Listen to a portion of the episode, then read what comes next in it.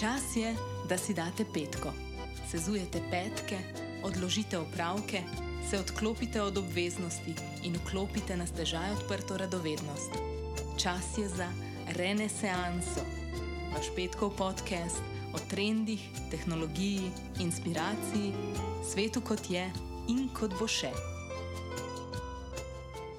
Živijo in dobrodošli v še eni epizodi podcasta Renesansa. Danes je z nami Borut Jeglič. Borut Jeglič je oseba, ki jo odkar jaz poznam in to bo zdaj že 80 let, ne bi niti natančno v letih, zelo, zelo, zelo intenzivno upletena v svet podjetništva, definitivno pa tudi v svet izobraževanja. In ker oba verjamemo, da z izobraževanjem spreminjamo svet in delamo ljudi boljše, se danes na vse veselim najnega pogovora, v sklopu katerega se bomo dotaknili mnogih zanimivih tem, se pravi tudi kako zdaj trenutna situacija vpliva na naše način dela, kaj delamo. Definitivno pa boste v tem pogovoru vsi, ki vas zanima, da bi se podali v svet podjetništva, našli zanimive istočnice zase. Zdaj pa, Borod, situacija je taka. Jaz na LinkedIn-u vidim, da imaš ti pet pozicij. A bi nam lahko na kratko povedal, kdo si in s čim se ukvarjaš, pa seveda dobrodošel v podkastu. Živijo, hvala, Maja. Um, ja, kdo sem, s čim se ukvarjam? To je precej kompleksno vprašanje za odgovoriti. Um, ampak bom tako rekel. No, jaz sem v osnovi eh, po izobrazbi ekonomist, uh, ki sem zelo hitro v bistvu začel delati v, v raznih manjših podjetjih, pač podjetniških vodah. Uh, najprej kot pač zaposleni, študent, kako koli um, v zelo različnih panogah, od vem, športnih uh, oblačil v Kibubi do sem vodil eno družinsko podjetje, ki se ukvarja s proizvodnjo kovinskih delov, do IT-ja, glavno vse možno. No. Uh, Kaj vidim še Vizionect, pa Junior Lecturer, to je kar nabor. Tako, ja, ja ne, imel wow. sem jaz tudi eno obdobje, ko sem na faksu kot uh, asistent v bistvu delal. Um, ampak ja, pol me je pa v bistvu potegnil, oziroma me je Jaka Lindič, uh, moj mentor, kolega, navdušil enkrat, uh, ko so štartali en startup uh, in me je potegnil tam zraven. Um, sem bil v bistvu tam odgovoren za pridobivanje kupcev in kup stvari, no, ki se je na začetku postavljal. Uh, je, šlo, je bilo pa ravno na področju izobraževanja, Spravo, to je bil mm. cool time uh, ki je bil takrat en tak spin-off iz E-assistenta, ki je mogoče malo bolj znan. Ja. Um, in takrat smo pač poskušali v bistvu prenoviti ali pa posodobiti to, kako, uh, kako otroke v šolah, osnovnih in srednjih šolah izobražujemo, in poskušati ta celoten sistem narediti malo bolj interaktiven. Um, tako, da ne bo šla tle preveč v detajle, long story short, je takrat zadeva uh, v bistvu se zaprla ali pa ugasnila, uh, ker ni šlo, nismo uspeli tega preboja narediti. Uh, sva se pa mi dva z Jakatom v bistvu takrat fulujela, ful dobro sodelovala in sva pol naprej furala. In ja, takrat je pa nastal pol ene par podjetij na različnih področjih, uh, ki pa v bistvu vse povezuje nekako spreminjanje določene panoge ali pa reševanje nekih problemov, ki jih vidimo v tej panogi na, z uporabo pač IT-ja in nekih inovativnih pristopov. No. Um, Super.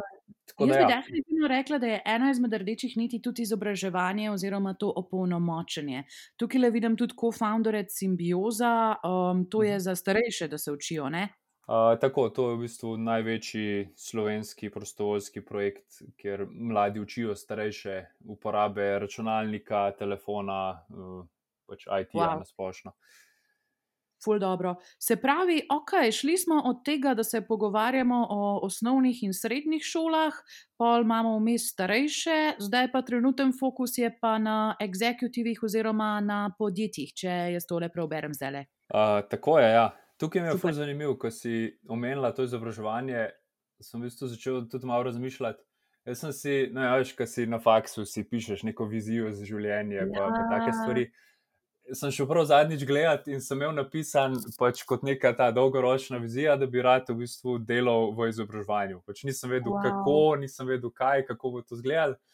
Ampak ja, če zdaj v bistvu gledam te korake nazaj, je res zanimivo, kako se je vse sestavilo v, v točno to smer, ki je bila nekakšna želja takrat. No. In, ja. Meni je to noro, zaradi tega, ker mislim, tako velikokrat sem razmišljala, a veš, kaj ljudi motivira do tega, da učimo. Uh, vsak profesionalec vemo, da ni dober učitelj in obratno.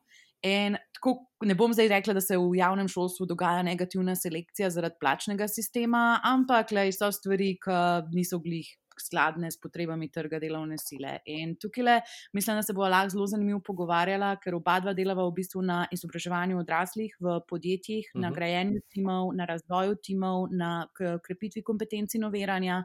Tako da, ja, to bo ena, siguren, zelo zanimiva istočnica, ki jo imamo. Uh, kar se pa tiče teh motivov, no, sem pa jaz tako najlepš slišala, veš, v katerem podkastu od Dava Remzija, ne vem, če ga poznaš. Ne spremljam, vem, kdo je, ampak ne spremljam, kaj to.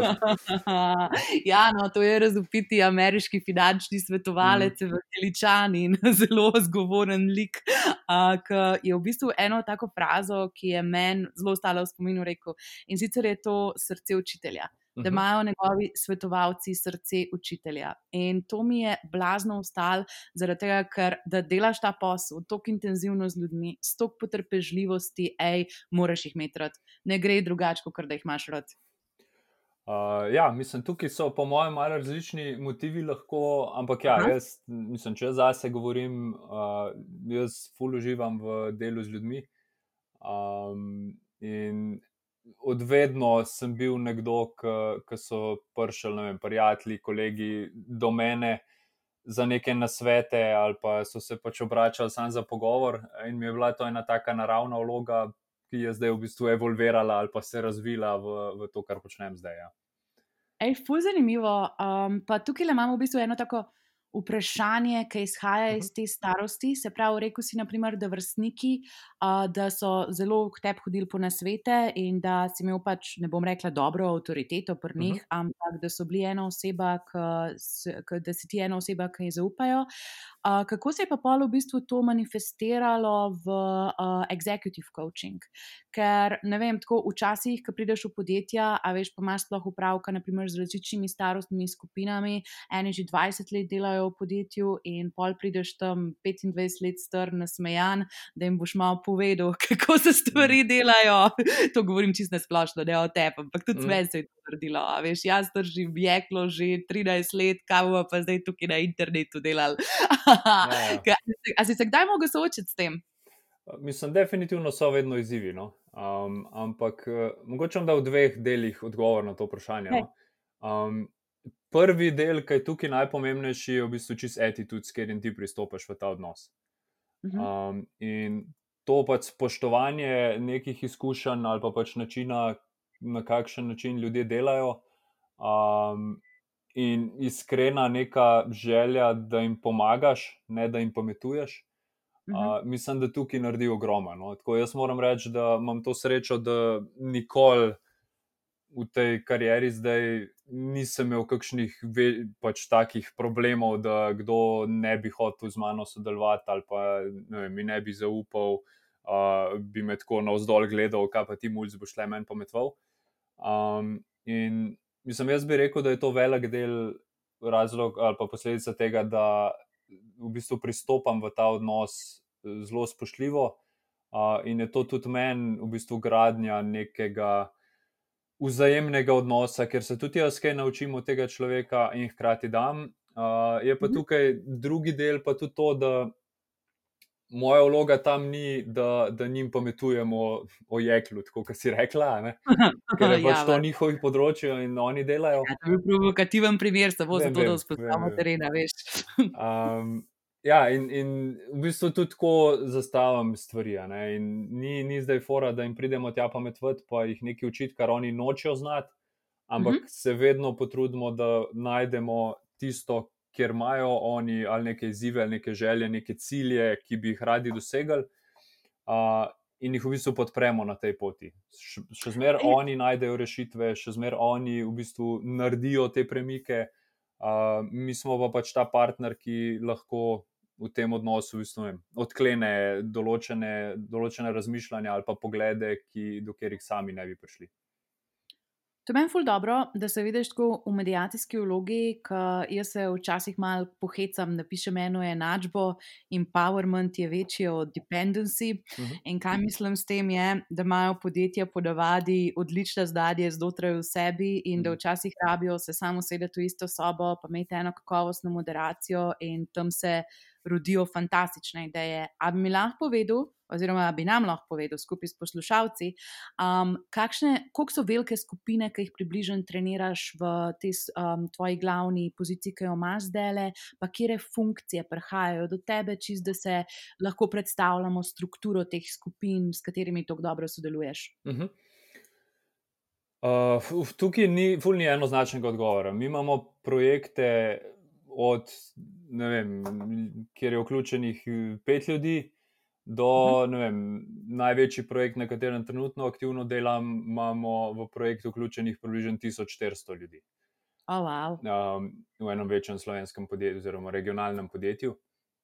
Um, tako da tukaj je zelo, zelo različno. Zdaj, okay. ja, seveda ne delaš z vsemi 1400 naenkrat, ampak je to pol ena serija pač nekih aktivnosti, in v tem podjetju imamo tudi v bistvu en kup internih kočev, ki jih mi usposobimo za to, da furajo uh, stvari naprej, čist interno.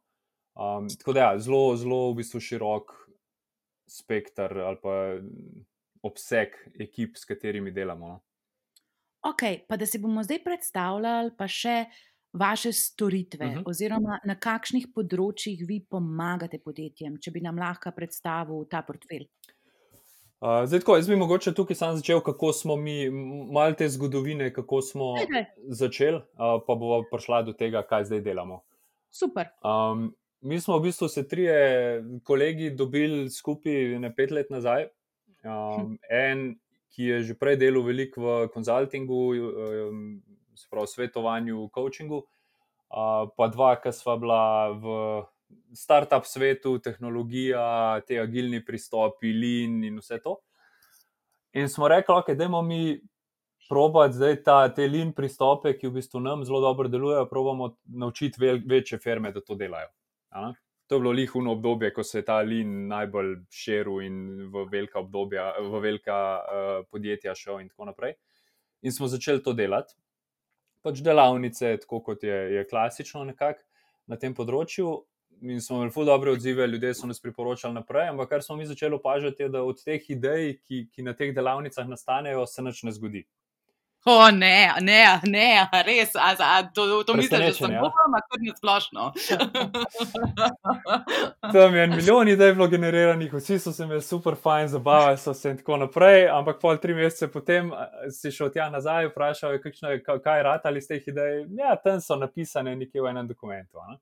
Le persona imamo obešeno v pisarni, poglej to. Verjamem.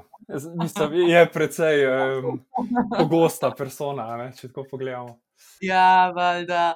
Um, ne, ok, in kako ste pa ta problem rešili, Borod? No, mi smo v bistvu tam začeli razmišljati, kaj, kaj je težava. Ne? Smo v bistvu prišli do tega, da težava ni v tem, da ljudje ne bi bili inovativni, pa ne bi imeli idej ali pa ne bi znali priti do idej. Ja. Ampak je težava enostavno v, v zauzetosti, v tem, ali, zakaj bi se zdaj kot zaposleni v bistvu trudil za podjetje, za šefa, za kogarkoli, pa nekaj až izven delovnega časa, še neke ideje, pa brainstorming, pa ne vem kaj. Ne? In enostavno to ni bila prioriteta ljudem. In pač to je čist stvar zauzetosti, in pa smo še tukaj raziskovati. In prišel do tega, da v bistvu sen, približno 70% zauzetosti je odvisno od neposrednega vodje. Okay, uh -huh. prav, tisti, ki je moj menedžer, ki mene, moj šef, približno 70% tega, uh, koliko bom jaz zauzet pri svojem delu, je odvisen od njega. In mi smo v bistvu. Ali, to, ni, ali ni? Ali ni, res je. To, tole bo, gender neutral pa bo. Cool. Zdaj imaš dve punce doma, tole, tole bo treba pa. Hvala, hvala za popravek. Ja.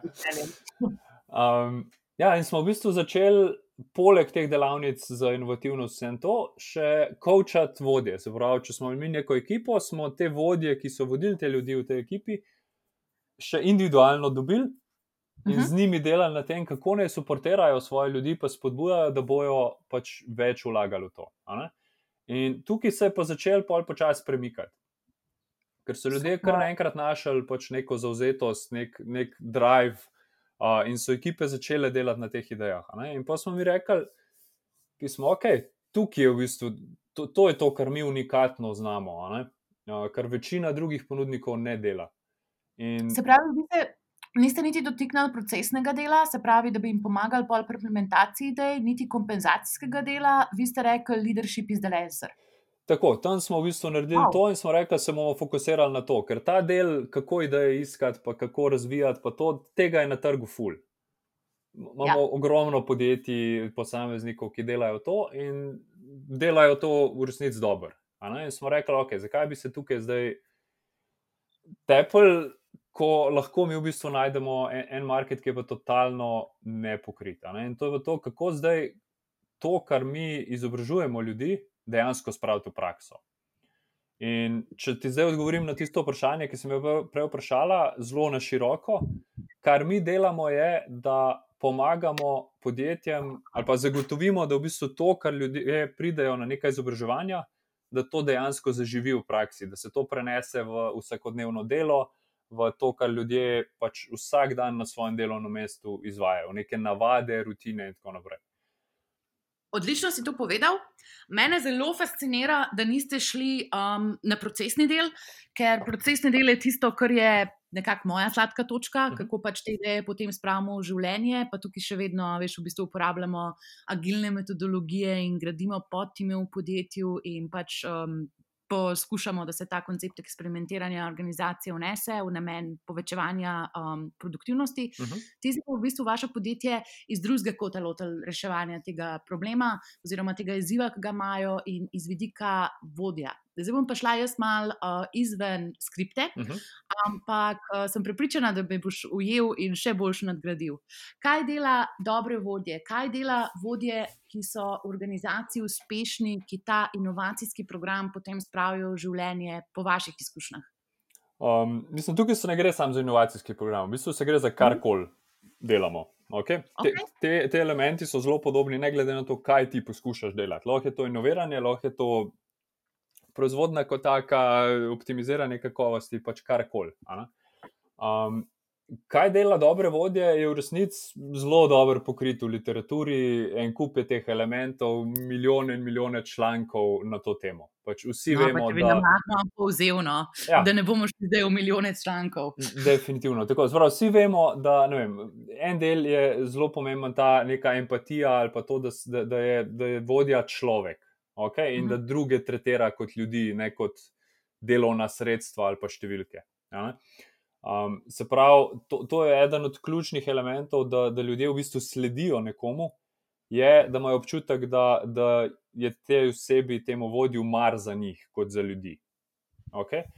Um, Sprav, to je en tak element. Drugo je, da morajo imeti neko skupno neko sliko, kam hočemo priti, neko vizijo, neko poslanstvo, neki, neki več kot ne vem, hočemo doseči 100 tisoč evrov prodaje. Ne? Ja. Nekaj širšega. Um, en purpose, uh, namen, tu misijo. Ja. Tako, zelo neka vizija, poslanstvo in to v tistem pravem pomenu teh dveh besed. Ja, um, to, naprej imaš vem, redna komunikacija, postavljanje zelo jasnih pričakovanj, uh, pohvala, prepoznavanje dobrega dela in tako naprej. Kot teh elementov je v bistvu. Ko greš gledati, pa ko narediš neko sintezo, v resnici ni zdaj tega milijon. Pač so zelo mhm. jasni kriteriji, kaj naredi dobro vodjo. Pa so v resnici tudi mehki, ne? bolj so mehki, kot sem jih jaz pričakovala. Jaz sem mislila, da bo vsakšno prioritiziranje, a pa management časa zraven. Um, so pa zelo taki, mislim, emotivni na nek način. Mm. Mislim, tukaj je tako, ne? prioritiziranje, management časa in vse to. To bolj apliciramo na posameznika. Zbrav, ko moram jaz nekaj narediti, ja, takrat moram dobro menedžirati svoj čas, prioritete si znati postavljati in tako naprej. In ja, se je, de, definitivno to tudi vloga vodi v nekem momentu, ampak v resnici, tudi če si predstavljamo, vem, če, če ti pomisliš, Maja, kdo je te, recimo, en tak vzor kot vodja, koga bi izpostavila? Ne, ne greva tja, ne, ne greva tja, prosim, ne greva tja, ne, ne, ok, Angela Merkel, no, o evo. moj bog, ljubim. Super, ful dobro. A, a, a to sam rečeš, če to res misliš? Ne, res mislim. Mislim, kar sem, like, karkoli v resnici bi rekla, je, je super, zato ker od vsake osebe lahko vzameš neke stvari, ki so lahko koristne tudi tebi. Ja, absolutno. Pa, pa po mojem tudi malo iščeš, a veš te ljudi, ki so te malo podobni. Meni je pač tako ženski način, a veš, vodenja zelo mm. fascinanten, kako pač ona pač upravlja eno izmed najmočnejših držav v mm. Evropi in kako je pri tem korektna in železna in nezlomljiva. Mm -hmm. um, da malo projiciraš sebe, malo projiciraš tistega, česar nimaš, uh, pa pa še kakšen motivacijski izrek od Winstona Churchilla prebereš, pa imaš lep dan. No, evo, in tukaj zdaj nisi izpostavljal ne time management, ne več od teh veščin. Ampak bravo, to, bravo, to dobro, širšo sliko.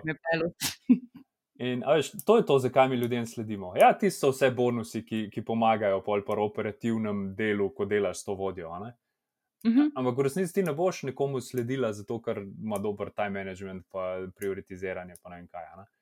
Um, ja, fair, fair point, zelo.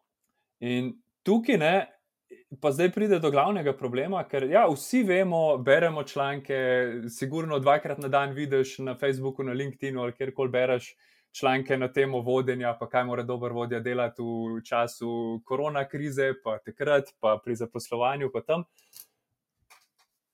Ni, ni da nam manjka znanja o tem, kako. Okay? Kjer ja. je pol tukaj težava, je, da ne znamo tega res na globoki ravni aplicirati v svoje vsakodnevne rutine. In... Ej, fulmočno zaradi tega, ker sem pa glih začela tako v zadju možganov mleti idejo, a je dober vodja ustvarjen, a rojen. Zato, ker ti elementi, ki si jih naštel, a veš, to so meni kot neke pač lasnosti, ki jih imaš čisto kot človek, čisto kot oseba. In ne vem, tako pogosto pa vidim, naprimer v tehnoloških podjetjih, da ko je nek tehnolog, a veš, mogoče, mislim, spet mi je bed to reči, ampak oni v izobraževalnem ciklu od osnovnega eh, šolstva nimajo stika žensko. Mm. In kako boš pa v tem delu cross-gender in diversity komunikacijo in pač razvoj kakšnih produktov, boh ne dej za ženske, to je kar izziv. In tole, kar zdaj govoriš, mi je všeč, te bom poslušala. Ok. Um, mislim, zdaj si izpostavila to vprašanje, je dobro vodja rojen ali, ali narejen. Ne? Ja. Moje stališče tukaj je, da je zelo v veliki meri narejen.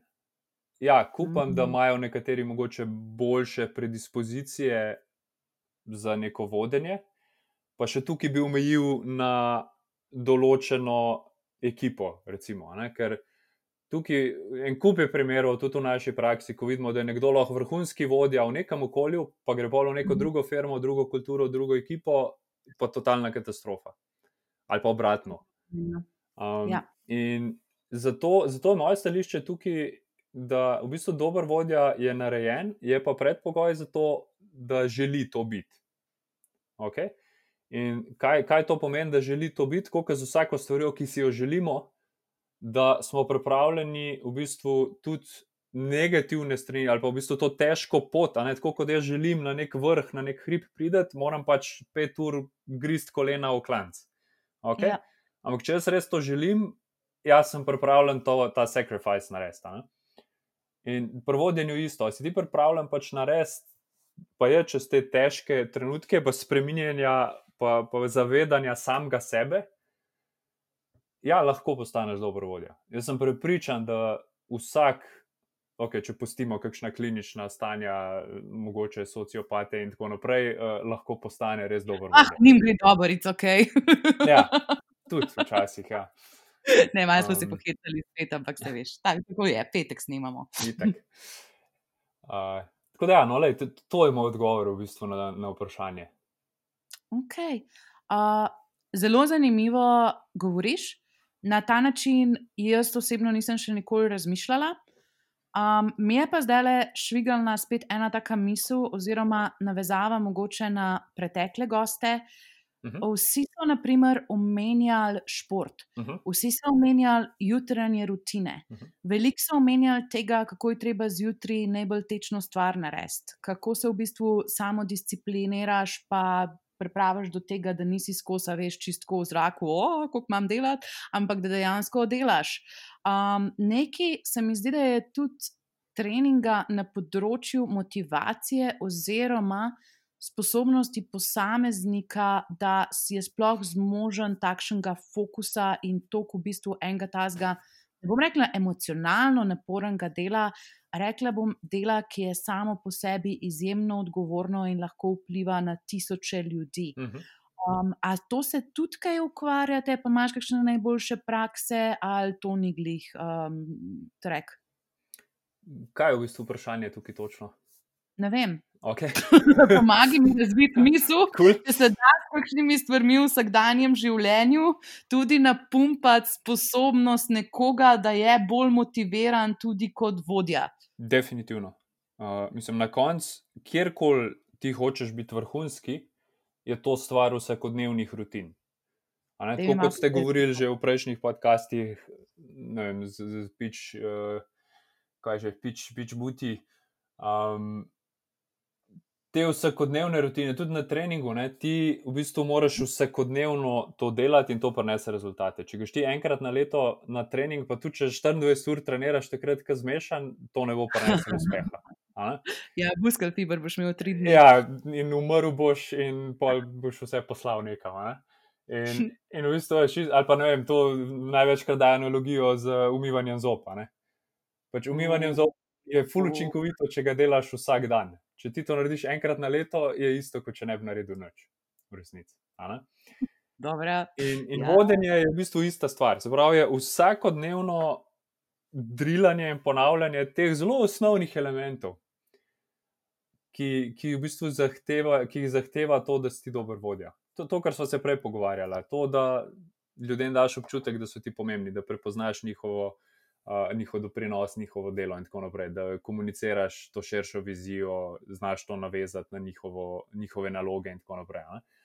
In kar omenila si, ne, ta, te rutine in to, kar imamo tudi spet en milijon teh člankov, ki ti povejo, da ja, tri stvari, ki jih mora dober vodja delati eh, vsako Ja, jutro. bi mogoče lahko povedal to zase. Mislim, kje so stvari, ki jih ti No. delaš v vsakodnevnem življenju, da skrbiš za to. To, to sem v bistvu hotel priti. Um, lahko debatiramo tudi o tem, kaj jaz delam, uh, pa bova. Uh, Sam tukaj eno stvar bi prej rad povedal. Um, ali pa na- bom začel z vprašanjem. No? Kako kaj ti bereš, kakšne te članke? Ne? Okay, tri stvari, ki, bi, ki jih uspešni ljudje zjutraj počnejo. ne? In to prebereš, in kakšen je tvoj feeling, kako se počutiš v tistem trenutku? To že vem. A? Gremo naprej in naslednje tri mesece ne bo odprla nebenega leadership članka. Ne, resno, mislim, meni so te stvari.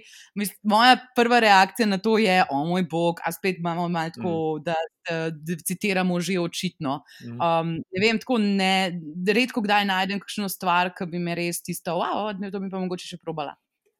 Exactly, ne? in jaz mislim, da te članke v bistvu delajo ful škode, generalno. Um, zato, ker nam dajo, ali pa dajo iluzijo, da je, da je tukaj nek quick fix, da je to samo ena enostaven recept, ki ga apliciraš in boš uspešen, in boš milijonar, in boš no in kaj vse, in boš dober vodja. Dejstvo je pa, da ni tako. Kako so te uspešni ljudje prišli do teh rutin, je, da so v bistvu razmišljali in sami prišli do tega, kar deluje za njih. In tukaj je to ključno. Veš, tudi če jaz zdaj govorim o tem, kaj jaz delam, nočem, da to ljudje vzamejo kot nek recept, kaj bi bilo pa treba delati. Ker to izhaja iz tega, kakšen sem jaz, iz nekih mojih naravnih načinov razmišljanja, iz, iz mojih vem, talentov, ki jih imam, in tako naprej, in, in ustrezajo meni v tem trenutku. Tudi to je pomembna stvar. Ne? In v bistvu je totalno irrelevantno za kogarkoli drugega, razen to, da ga mogoče to spodbudi v to, da začne sam razmišljati o tem, kaj pa ustreza njemu, pa njegovi osebnosti, pa njegovim nekim načinom razmišljanja. Okay? Tako, ali dobi kakšno idejo, ki bi jo rad testiral v svojem življenju, ampak, kot si zelo dobro izpostavil, včasih je lahko stvar tako banalna, kot je kakšen bioritem ima nekdo. Tudi, definitivno. Um, in mislim, jaz, eh, tako, če, če za me jaz govorim, jaz imam ful mal v bistvu nekih takih zelo rednih rutin. Okay?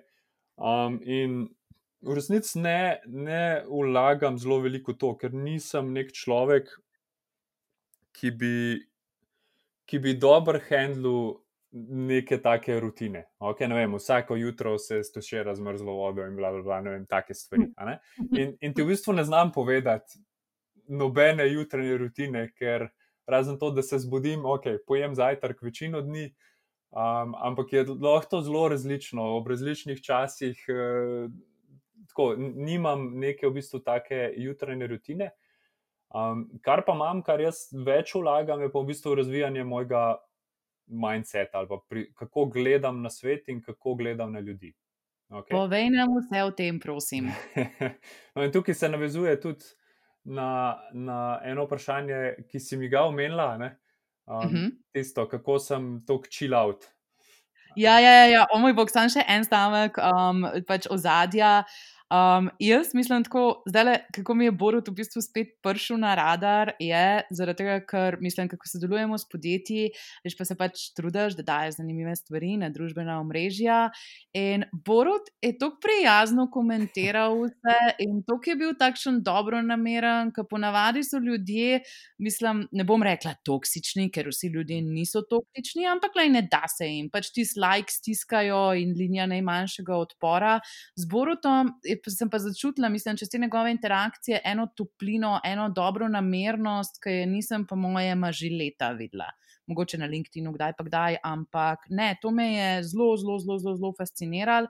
In ja, pa vprašanje, ki sem ti ga hotla postaviti, je, kako enostavno držiš svoj well-being, mislim, tvoj mindset. Ja, um, no, tukaj je, to, to, je, to je pa ta. Jaz bom rekel, imam dosti srečo, da je to dosti moj naraven mindset. In sem vedno bil človek, ki, vem, če, če moje življenje ali pa moje čustveno stanje nekako poskušam s krivuljo pokazati, je, še, je taka krivulja, kot je v nekaj, ko ljudje umrejo. Pač jaz, jaz sem full, full stabilen, um, vedno. Zdravo, imam ful, ful nimam visokih hajev. Nimam unga, še excitementa, pa da bi, ne vem, full skakal od veselja in navdušen v vsaki mali stvari. Uh, ampak po drugi strani tudi ful nimam nekih dropov. Zbrav, jaz, ko sem slabe volje ali pa ful, ne vem, zafrustriran, to za večino še zmeraj gledati kot normalno stanje. Um, ne, ne, to je za profesionalno okolje to čudovita stvar. Ja, lahko je, lahko ne, mislim, ima, ima svoje prednosti, ima svoje slabosti. Pač, tak sem, je, to, to je pač moj, moj svet ali kako jaz delujem. In hkrati s tem ful malo stvari me iz tega vrže, kar mi omogoča, da v bistvu dosti racionalno ali pa rea, realno, um, kako bi temu rekel, objektivno gledam na, na različne dogodke. In večinoma, veš, kdaj smo ljudje, kot se rekla, vem, zlobni ali pa karkoli, ko, ko nekaj v nas ni ok, ko mi nismo v balansu.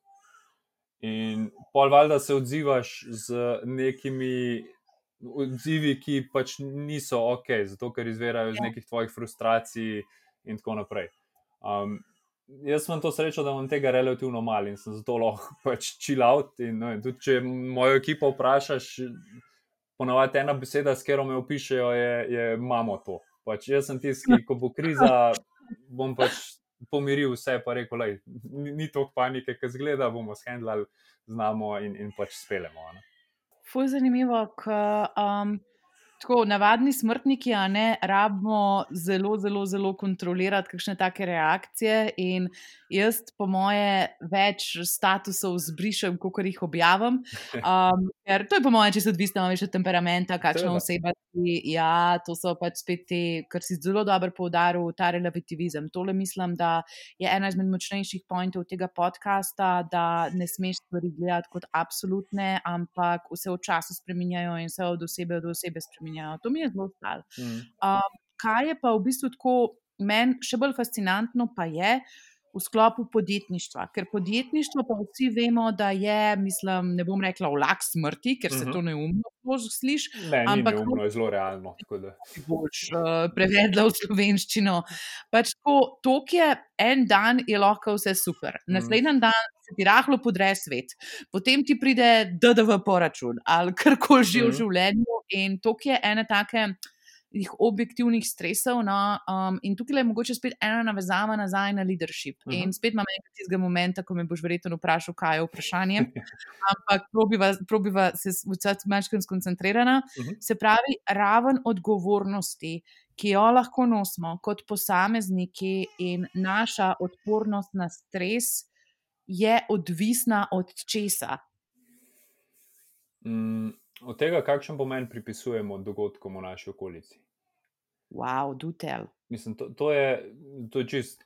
Tudi, vem, Katarina ti je zanj že predavala o psihološki teoriji, sem uspel prej malo poslušati podcasta. Um, spet izhaja v bistvu čist iz, iz psihološke teorije. Zbrav na nas ne vplivajo dogodki kot taki, ampak vpliva to, kakšen pomen pripisujemo tem dogodkom. In čustva se, se glede na to v bistvu ustvarjajo. In ti lahko, veš, lej, zelo, zelo tak plastičen ali pa zelo očiten primer imamo zdaj v tej korona krizi ali kako koli temu rečemo, ki je precej disrupcija nekih običajnih um, načinov delovanja, življenja in tako naprej. Komuniciranja, odnosov med ljudmi, vsega. Vse, v resnici. Ja. Ampak, kaj, imaš ljudi, ki jih to totalno podre, ali pa vidijo v tem nevarnost in, in težave, in strah, in vse. In imaš na drugi strani ljudi, ki v tem vidijo priložnost. Isti dogodek se je zgodil. Um, tako da zelo veliko je od tega. In tukaj, če smo sposobni v bistvu sami sebe toliko poznati, da vemo, zakaj se odzovemo, kako se odzovemo in, in iz kje to izvira, v bistvu ful zmanjša pomen, pa intenziteto teh mogoče negativnih čustev v nekem momentu. Zelo dober. Zelo dober in tole, tudi če ponovimo še s petimi gosti, ne moramo tega povedati dovolj, ker da tole ponotraniš je velik, ampak ko pa ponotraniš, ti pa verjetno spremeni in izboljša tvoj pogled na svet, oziroma način, kako lahko funkcioniramo v svetu kot posamezniki. Bolj mi je zanimivo, da si odprl že to koronarsko temo, uh -huh. ker nam, ki delamo s podjetji, je to kar prevetljivo življenje. Ne, Zdaj ne moramo iti več v poslovne stavbe, uh -huh. ampak moramo po zumu delati svoje treninge in coachinge in vse te zadeve. Kako je ta tranzicija prva spotekala, Borut? Um, jaz moram reči tukaj. E, e, jaz sem bil v bistvu, lihka se je to začelo, da sem šel na očetovski dopust, tako da sem bil mečkan umaknjen od tega, tako from the front lines. Um, ampak ja, nam se je v bistvu takrat, ko, ko je bil tisti 13. marca ali kdaj se je začela ta karantena, um, so vsi šli domov in, in firme v bistvu zelo na hitro mogle totalno v bistvu obrniti način delovanja. Ne? Uh, se je tudi nam precej ustavilo vse. Zaprav, večina firm je ali dala čisto on hold, ali skenslala vse projekte. Um, glavno je bilo kar eh, tak en šok. Ampak smo, smo reči, no, smo zelo hitri in cela ekipa je tukaj res potegnila in smo naredili take premike, kot jih nismo prej zelo dolg. Uh, zelo na hiter, in moram reči, da zdaj v bistvu čisto vse projekte, mogoče s kakšno manjšo izjemo, um, peljemo naprej, tako kot smo jih prej, sicer ja, zdaj online. Uh, Spravi, čist način izvedbe je malo drugačen, ampak sama vem, časovnica ali pa obseg se pa ni nič spremenil ali pa se je celo povečal. Um, um, ko si rekel, kako ste v bistvu kot ekipa stopili skupaj, kje cilje ste dosegli, mislim, kaj ste naredili, da je bilo pa drugače, da je bilo boljše. V bistvu smo vse naše programe, ali pa veliko večino programov, v bistvu predelali v to, da, so, da jih je možno izvesti kompletno online.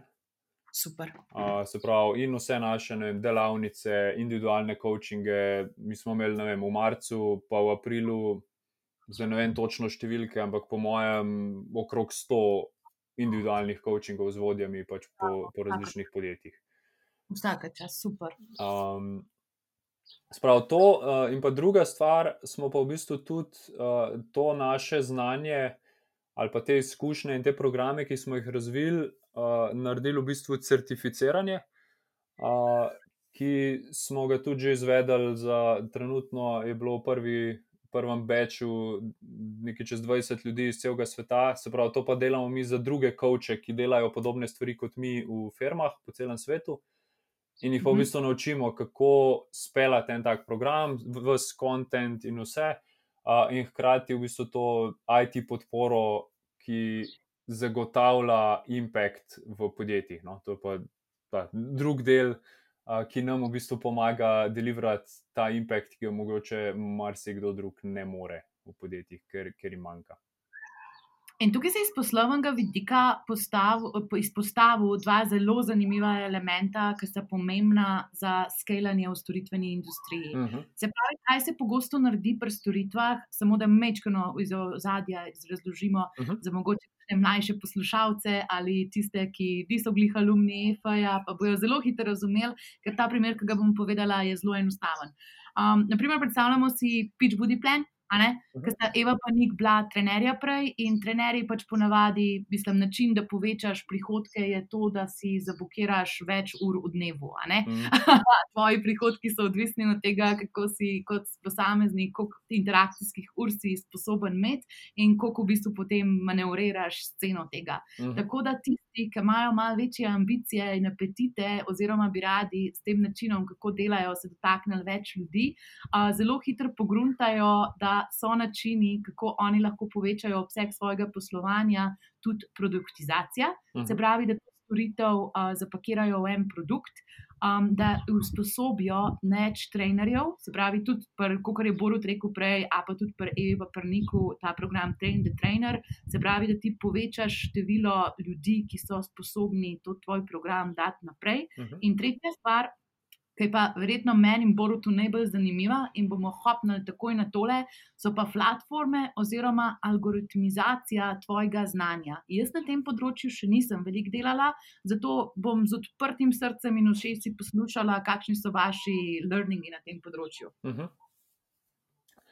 Uh, ja, mislim, nam je vedno bil od začetka, ko smo štartali, to nam je bila želja narediti eh, zadevo scalable. Um, nismo tisti, ki bi želeli, ja, tako kot si rekla, pač imeti 24 ur na dan blokiranih eh, z nekimi coaching sessioni in to. Um, želimo pa rasti in želimo predvsem pač prenesti impact ljudem. Okay? Vem, naša, naše poslanstvo je, da, da ustvarjamo svet, v katerem ljudje radi upravljajo svoje delo in si prizadevajo za zmage svoje organizacije. Okay? In če hočemo to na globalni ravni doseči, to, da bomo mi hodili od enega vodja do, do drugega tukaj v Sloveniji, mm. pa enega po enega handlali. Ne bo šlo, ja. ja bo, bo malo težko. In tukaj smo mi že od začetka v bistvu zelo veliko razmišljali o tem, kaj lahko naredimo, da to naredimo scalable.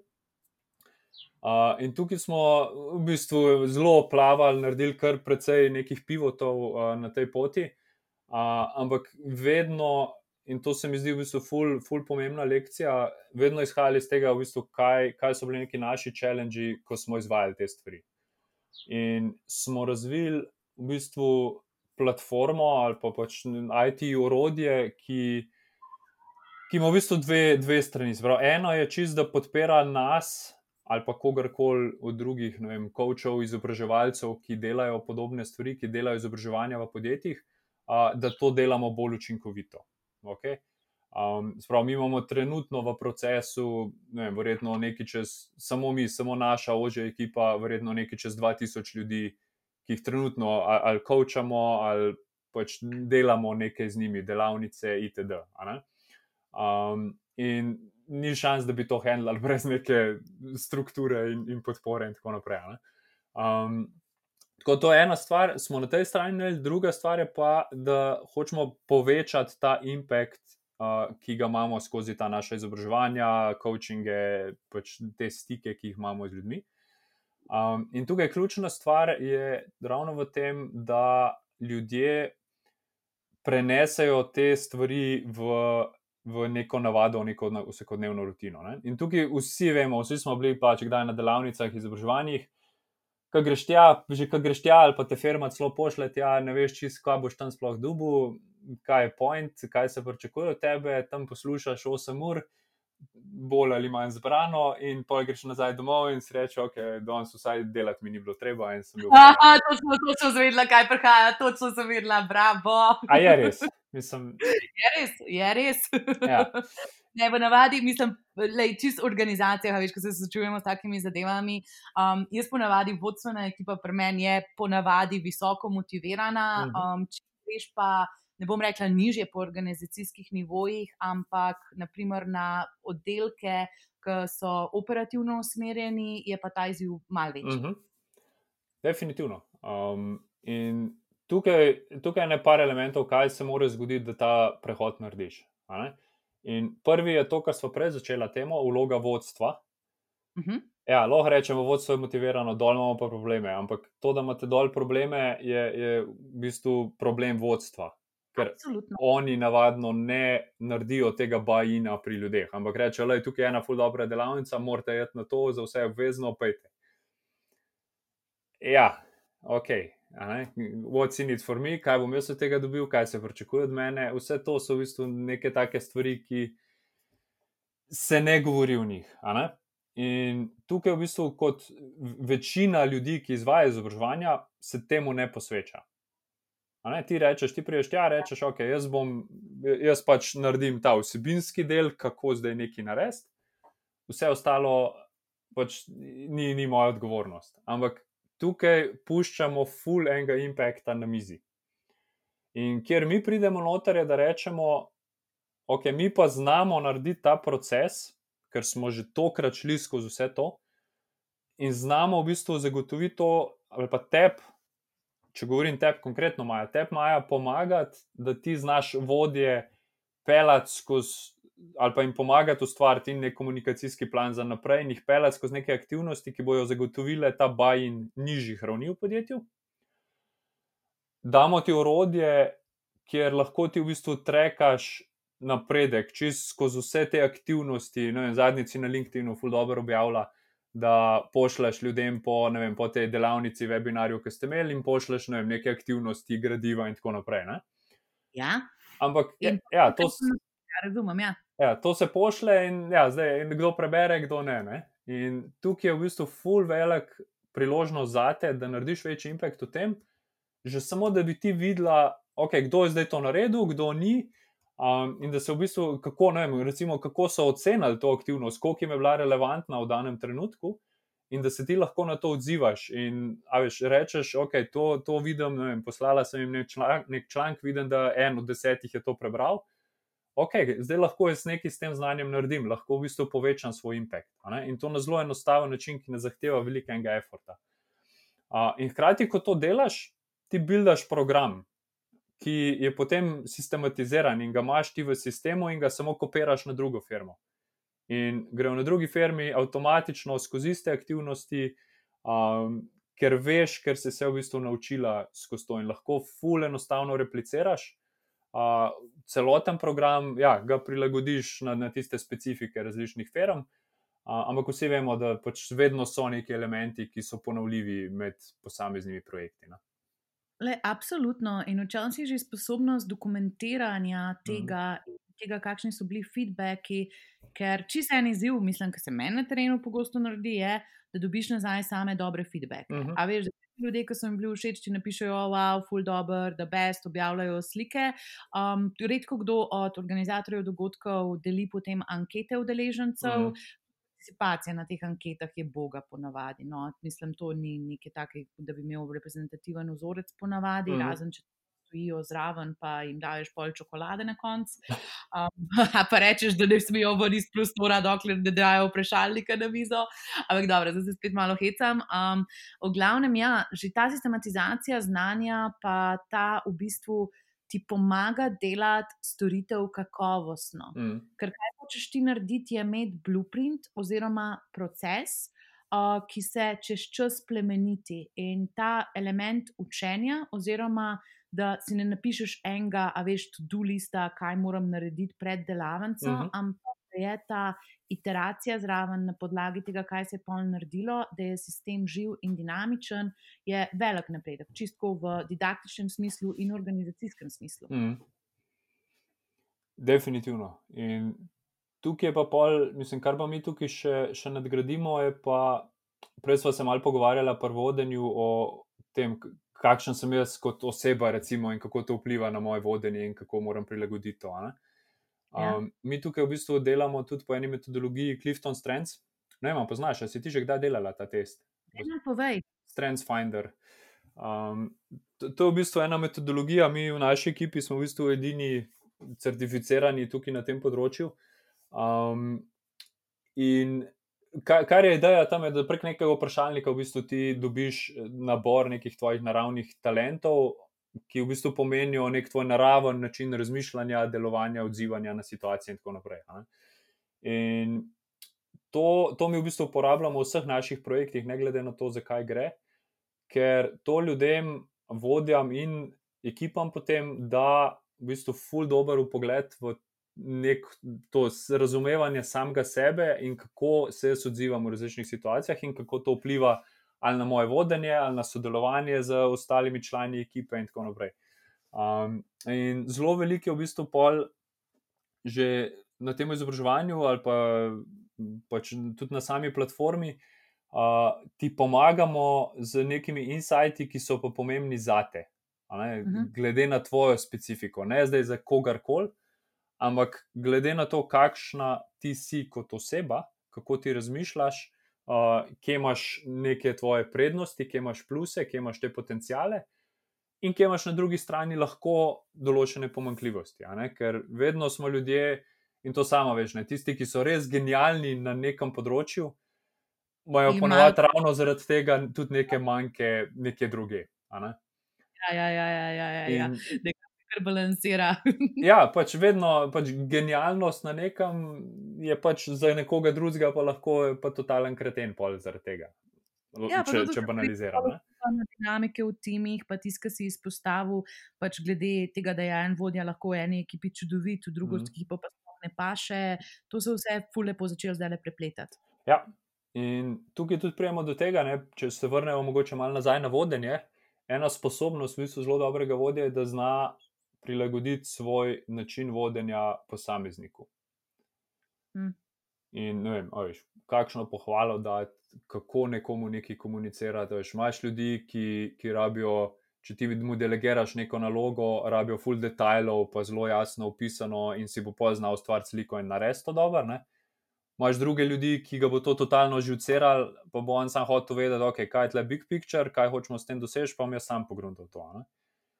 In ti teh dveh ljudi ne moreš jim na isti način komunicirati, ker kjerkoli način od teh dveh zbereš, boš enega zafrustriral. Ja. In tukaj je ključno, da si ti kot vodja sposoben prepoznati vse, okay, kaj je moj način, kaj je način drugih in kako lahko jaz zdaj ta moj način prilagajam. Ne zdaj, da sebe uh, poskušam spremenjati, ker nima smisla, ker se ne bom. Um, ampak v tem smislu, da, da pa lahko v bistvu prilagodim uh, način ali pa čist kako jaz nekaj komuniciram temu, ker vem, da nekdo drug potrebuje nekaj na drugačen način.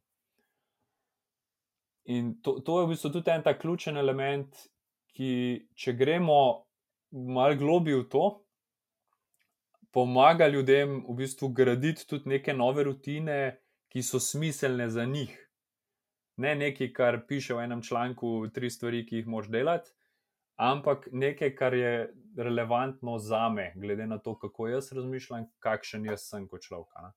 In tukaj je pa potem pride do tega, da res začnemo aplicirati stvari, ki so smiselne in ki jih lahko na dolgi rok dejansko držim.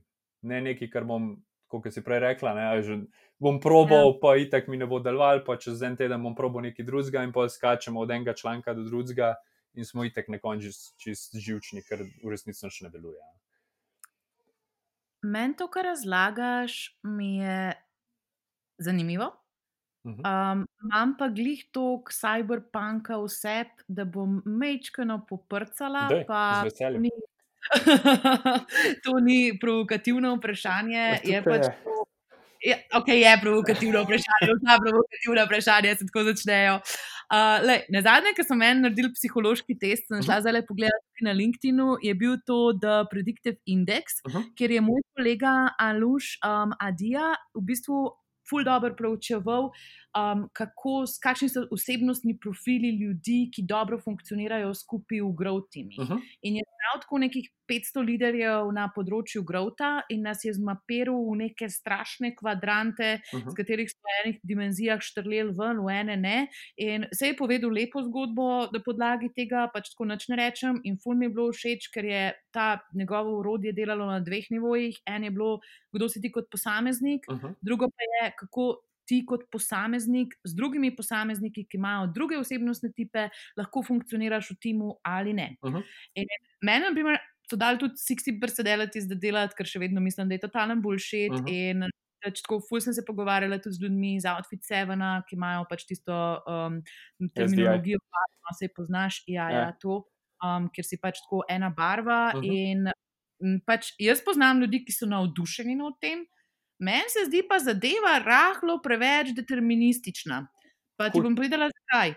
Ker, ker sem v interakciji z različnimi ljudmi, ne vem, ali je to mogoče zaradi empatije ali karkoli tasga, mi lahko toliko stvari vseka ven, da v dveh interakcijah se ne bom obnašala isto. Uh -huh. In na način, kako sem se obnašala pred petimi leti, se zdaj ne obnašam več tako. Uh -huh. In tudi mogoče tremi meseci se zdaj ne obnašam več tako, zato ker sem vmes že nekaj napredovala, pa se nekaj naučila, pa ene nove energije dobila uh -huh. v mhm. življenju.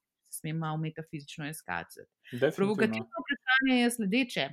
Jaz se bojim, da so psihološki testi, sploh kadar so narejeni pomankljivo, slabo in necelovito, hujši od horoskopa. Ja ali uh mhm. -huh. ne? Lahko. Oh, oh, okay. Ne morem verjeti, da bi povedal. Bom začel z provokativnim odgovorom. Um, daj, daj, daj, daj. Definitivno lahko. Zelo je vprašanje, kaj ti s tem delaš. In večinoma, kako te teste delamo, ja, pač narediš ga, eh, dobiš un report, un PDF, eh, pogledaš, u, jaz sem pa rdeč in pa daš to v predal in to je to. Veš, kaj me konkretno skrbi, zakaj sem to izpostavila? Da so eni ljudje lahko na podlagi tega diskriminirani. Definitivno. Ja spomnim, ker si jim personality, ki smo delali, in je bila pol ena oseba, ne vem, nek caregiver ali ja, ja. pa neki tasga je bilo. In pa je bilo tisto, ah, ok, tebe delo to ne zanima, ti si bolj družinski. Mm. Rekel, ok, zdaj le si povedal 20 ljudem v sobam, da tega človeka ne zanima. Prosim. Ja, uh, tukaj. Le, nočem imeti ful preveč detajlov okoli tega, ampak zakaj mi uporabljamo ta Clifton Strengths test, je ne pa razlogov. E, eno je, ali pa ker jih osnova tega iščemo v ljudeh dobro. Okay? Ja, super. Se pravi, išče v ljudeh te naravne talente, danosti, ki, ki so potencial za nekaj velikega, so potencial, da ti lahko si res vrhunski na tem, uh, z uporabo teh področji. Okay? Uh, in tudi področja so taka, ne vem, če ti povem, recimo, mojih top 5 uh, talentov je futuristik, input, uh, learner, activator, self-assurance. Okay? Sprav, noben od teh ne pravi, da jaz ne maram delati ali da imam raje, ne vem, žuram, kot pa resno delam in tako naprej. Ampak govori bolj o tem, kako jaz gledam na svet. Okay? Um, to je ena stvar, in teh talentov je v bistvu 34. Okay? Sprav, verjetnost, da, da ti najdeš nekoga drugega, ki ima samo top 5 talentov, istih kot ti, pa v istem vrstnem redu, je 1 proti 33 milijonov. Mm. Okay, Sprav, ni tako, da boš ti, eh, da vas bo pet v ekipi od desetih rdečih, eh, tri je bojo modri, dva pa zelena, in zdaj kaj si naredil s tem. Um, ne, tukaj bo vsak unikaten, vsak bo imel svojo kombinacijo, ki pomeni nekaj drugega. Okay? Sprav, v Sloveniji ali pa še veliko širš na Balkanu, ni osebe, ki ima istih top 5 v istem vrstnem redu kot ti. Statistično gledano. Okay? Ja, to je zanimiva prizma. Ja. Zanimiva prizma. In to druga, druga stvar je pa, da v bistvu tudi to, ko mi dobimo te rezultate, te talente, to ni in izrazito to povsod ponavljamo, ni deterministično, ampak je samo izhodišče za pogovor. Okay? Prav, mi tudi v ekipah, recimo, ko gradimo na teh talentih, in mi, mi predvsej prek tega uh, tudi gradimo dobre ekipe, uh, na način, da se ljudje začnejo zavedati različnosti. Okay? Če moj pogled izhaja iz futuristika, ki je moj number one in full močen talent, ker sem skozi usmerjen v prihodnost in pač moj način razmišljanja je, je vedno jutr. Jaz jaz dejansko, ne vem, jaz se svojega življenja več kot pet let nazaj v večini niti ne spomnim. Pač jaz, jaz imam možgane naštelane na jutr. Okay? In če sodelujem z nekom, ki je pa nasprotje od tega, ki pa zelo bazira ali pa zelo možgane usmerja v preteklost in v neke izkušnje iz preteklosti in kaj smo se tam naučili, mi dva imamo lahko v bistvu zelo velik kleš, če se tega ne zavedamo. Okay? Um, ampak, če se pa zavedamo, je pa to lahko ful, ful, velika moč, ker če to združva, pokriva cel spekter. Razen danes. Razen danes, ok, pa imaš pa še koga drugega, ki je pa danes. Dobro, Ampak, veš, ravno zavedanje tega in, in tukaj spet, ne, moj futuristik ne bo enak kot bo futuristik pretep, recimo, ker bo tvoj skombiniran z nekimi drugimi talenti in se bo drugače izražal kot premen. Okay? Ej, Prav, zdaj, da ti slišiš. Tako, mislim, stalno si mi prodal ta test, kje lahko ta test rešim. E, online, Clifton Strands, uh, imaš, lahko dobiš, uh, lahko pa tudi meni napišeš, pol pa zrihtava. Noro. To je dala kar en link v podcast, zaradi tega, ker to je ena izmed zanimivejših tem, na kateri sem naletela v zadnjem tednu. To mi je zdaj zelo všeč. cool. Uh, laj, niti ni bil moj namen test kot tak prodajati, ampak se gre bolj v bistvu za, za princip. In mislim, tudi z marsikajšnjim drugim testom lahko dosežeš podobne učinke. Nam se je pač ta izkazal kot najboljši in zato tega investiramo in na tem delamo. Uh, ampak, veš, tudi SDI in tudi kakšni drugi te testi so v bistvu zelo relevantni, lahko, uh, če jih pravilno uporabljaš. Problem je, ker jih ponavadi ne uporabljamo pravilno in pol to rata. Ja, ja, kvalificirani ljudje pošiljajo neke linke na okrog in pol to limajo na sebe. Ja, mislim, prvi čitek, večina teh testov, ki po Facebooku krožijo, tako boljši. Ker, veš, tudi to, kar si rekla, ne vem, da je na, na vzorcu. Ja, nisem princesa Jasmina, o moj bog. Which Disney princess are you? Aha, ja. Veš, to, da, to, da je nekaj narejeno na vzorcu vem, 50, 100 ljudi, ja, ok. Mislim, ta vem, Clifton Strands, recimo, je trenutno, mislim, da so nekje na 35 milijonov ali, ali 25 milijonov ali tam nekje uh, ljudi je rešil ta test in veš, razvija se to že 80 let. Um, nice. veš, bazira na neki znanosti in na nečem. Mislim, vse je še precej, da ne bo pomote, ni, ni to edini tak test. SDI je tudi zelo relevant test, lahko. Um, tudi 16 personality je v resnici zelo uh, znanstveno podprt in, in ima zgodovino. Ne? Bolje vprašanje, kako ga uporabljaš. In težava je, ker če nimajo ljudje konteksta in, in nekega vodila ali pa nekoga, ki jih vodi skozi to. Ja, pa bo, ja, veš, pa je to rata nalepka. Ti si pa rdeč in zdaj te obravnavam kot rdečega, in v bistvu me ne zanima več sploh ti kot unikatna oseba, ampak te kar labelam, ti si rdeča. Ne? Naše izhodišče je pa, da to je vedno samo izhodišče za začetek pogovora o bolj podrobnih stvarih um, okoli te osebe. Ne? Ne, meni se tudi zdela odlična razlaga. Um, na isto temo no, je bil Hidden Brace narejen od NPR-a podcast, um, ki ga ta šakar vodi, ki ga uh -huh. jaz obožujem. Slušamo vsakeč, ko gremo v Istro, ja, koliko časa že nismo bili um, le usmerjeno v preteklost, ampak ja, glih je bil ta problem determinizma, um, kako mm. v bistvu se. A veš, ka, po eni strani problem tudi pri diversity v timih, se pravi, kadar imaš ti mednarodne time mm. in pol dobiš. Nekoga iz juga in rečeš, ok, ta je X, skozi govori, nič ne naredi. To so meni zelo nevarne silnice. No? Mm. Jaz Um, sem zelo alergična na take zadeve, mislim, zaradi tega, po moje, ker sem bila prepogosto sama dana v kakšen predal. Mm. Uh, da ja, tole je meni takoj pač velik alarm, kadar slišim nekoga generalizirati na podlagi nekih stereotipov, pa boh ne dej, da si je še kaj šel poklikati na internet, ker tisto, mislim, ko, da 90% stvari, ki jih sami diagnosticiraš v smislu svoje psihe, so verjetno, no, ne vem, jaz nisem strokovnjak na tem področju, ampak jaz jim bi dala približno toliko velik pomen v življenju, kot horoskopu. Ja. Ampak dobro. Dobro, greva zdaj na primernejše teme, um, da se malo pohecala s temi um, personality testi, pa take zadeve. Pa bi se za minutko ali dve um, mogoče dotaknila sam še imposter sindroma oziroma opolnomočenja teh, mislim, ranljivih skupin, pa mladih, pa take zadeve, kako lahko oni začnejo, preden greva na lightning ground, ali se ne želiš pogovarjati o takih temah? No, lahko, valjda. O, super, pa se deva. Uh, preden začnejo, kaj? Pomagati impostor sindrom. kako impostor sindrom ljudje um, uvira pri karieri in kako se v bistvu vi tudi čez korporativne treninge uh -huh. in čez um, leadership oziroma vodstvene treninge ukvarjate s kompleksom manjvrednosti. Um, moram malo razmisliti, kako to odgovoriti.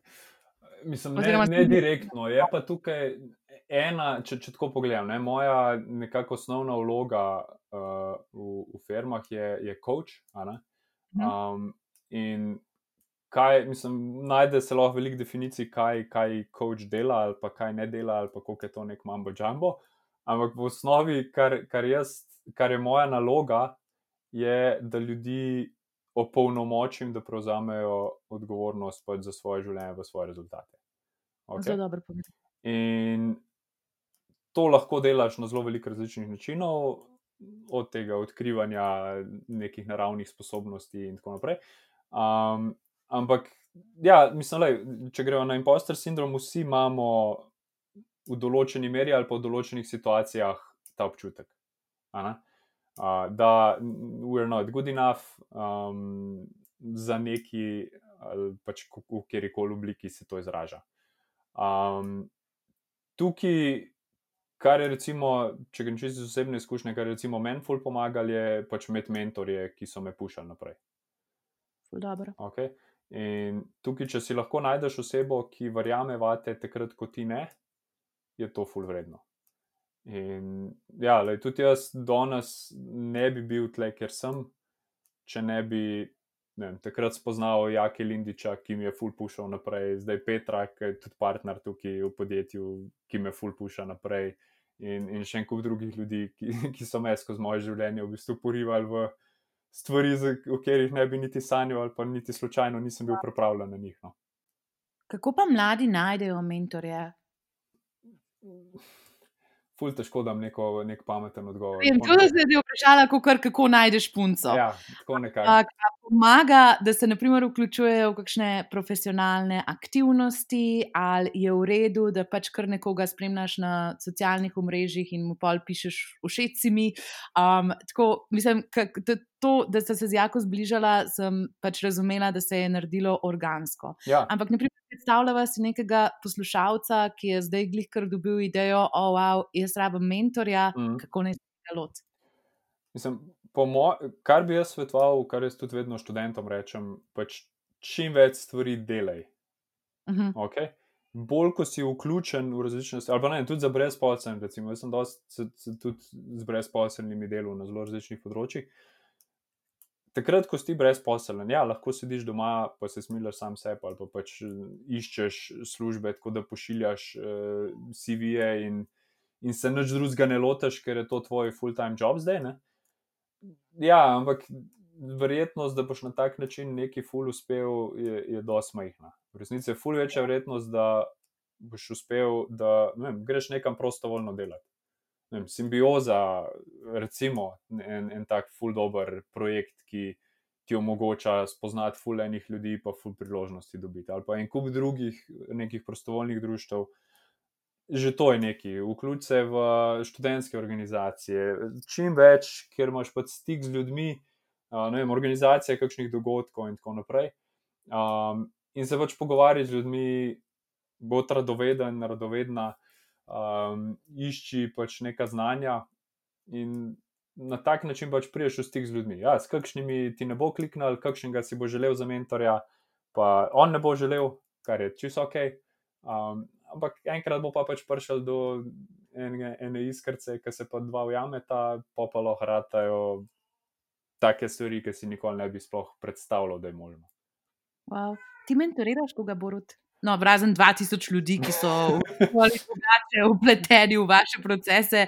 A kaj delaš z mladimi ljudmi, starejšimi, ali si še kaj aktiven na tem področju? Um, mislim, mentoriram ogromno ljudi, zdaj odvisno, kako, da, da bi imel vem, prav uradno vlogo nekega mentorja, nikje, niti ne. Ampak, tako kot sem prej rekel, no, doskrat se ljudje obračajo na me, one way or another, uh, veliki iz področja podjetništva, veliko teh podjetjih ali pa zgodbah, kjer sem bil vključen, pa še zmeraj pomagam, kolikor lahko. Um, tako da ja. Ne, zelo, zelo, zelo lepo. In ta tvoja dobra namernost in povezovalnost je nekaj, kar te dela zelo edinstvenega, no? zelo takšen pozitiven lik v naši skupnosti. In res mislim, hvala za tvoje pozitivne vibracije in za to dobro voljo in odprtost in pozitivo, s katero v bistvu delaš naš svet boljši na toliko različnih nivojih. Uh, to si začel delati že zelo mlad, um, kar me posebej fascinira. Definitivno pa, da je še vedno verjamem v srce učitelja. ja, sigurno. Prav, da je to del Hvala za to, fulcena. Valjda. Ali bi rekel, da je to del tvojega poslanstva? Definitivno. Zelo Definitivno. dobro. Mislim, ful uživam v tem, ko lahko dodajam vrednost ljudem. In pač to je to, zakaj jaz to delam. To je tako pomembno in tako lepo. Ej, zdaj te bom pa sam še vprašala dva taka zemeljska, um, zelo taka um, lifestyle vprašanji. Okay. Um, kljub temu, da si zdaj postal oče, ampak a najdeš še kakšno minutko, da kaj bereš, a pa pogledaš kakšno serijo? Uh, je valjda, ja. Povej. Um, knjiga, ne vem, zdaj tle imam lih uh, na mizi, imam The, The Advice Trap, um, ki je v bistvu nadaljevanje ali pa drugi del od enega avtorja, uh, ki je napisal že The Coaching Habit. Valjda je iz tega mojega področja. Um, ampak, ful, taka dobra knjiga, ful simple, prebereš jo v enem dnevu, uh, ampak ti da pa en kup enih mindshiftov, čez vidika vodenja. No? Um, tako to bi ful priporočal, uh, druga, ki je pa meni precej obrnila način, kako jaz gledam na vodenje, pa na ljudi, uh, je pa Leadership and Self-Deception. Uh, to je Arbiter Institute napisal. Uh, tudi full simple knjiga za prebrati, ampak meni je bila totalno mind-blowing. Tole bomo mi vse polinkali. Kul, cool, odlično. Gre vse v side linke od epizode, tole si nam zdaj le dal, da svoje dragulje, hvala lepa.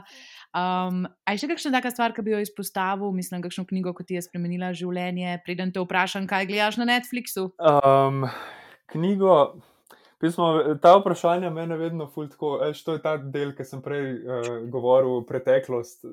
Like, honestly, full knjig mi je spremenil življenje, ampak eh, ti ne znam zdaj le dati enega seznama. Uh, bolj gledam na to, kje imam še na tuduju uh, na nočni policiji, ki pridejo na vrsto še. Tako da. Ok, Dej, zdaj pa- zdaj pa čist, da razbijava ta strokoven ton. Cool. Da mi poveš še izmed najbolj takih zemeljskih serij, ki si jih gledal zadnje čase. Um, sem, moram reči, da je že neki cajt, ne, ker ni lih full cajt zvečer. Ampak lih zadnjič sem ujel uh, tale The Last Dance, ki je zdaj o Chicago Bullsih, Oh, wow, ta je A, ful dobra, ja. ja, ki je zdaj nova. Um, drugač pa ne, mislim, gledava dost nekih serij. Uh, ful mi je recimo dobra uh, Suc, v tej ful uživam. Čak Tim Harvey. Ja, valjda. Ok, dobro. A, Sam je. Pa, ne vem, en, en kup je še takih, čakaj, moram prav pogledati, kaj, kaj so kaj. Um, ena taka, no, evo, to mogoče ne poznaš, ali večina ljudi ne pozna, mene je pa totalno fascinirala. Sicer je že full dolg, ni več na sceni, ampak je takih lahko dobiš za nazaj.